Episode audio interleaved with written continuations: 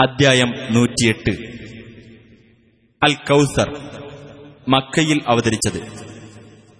കൗസർ എന്നാൽ ധാരാളം എന്നർത്ഥം. അള്ളാഹു നബിക്ക് ധാരാളം നേട്ടങ്ങൾ നൽകിയതിനെക്കുറിച്ച് ഒന്നാം സൂക്തത്തിൽ പരാമർശിച്ചതാണ് ഈ പേരിന് നിദാനം. ബിസ്മില്ലാഹിർ റഹ്മാനിർ റഹീം.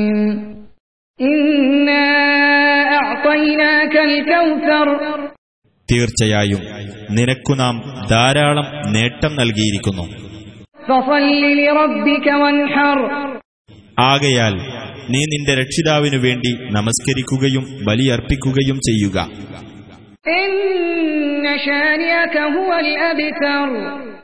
തീർച്ചയായും നിന്നോട് വിദ്വേഷം വെച്ച് പുലർത്തുന്നവൻ തന്നെയാകുന്നു.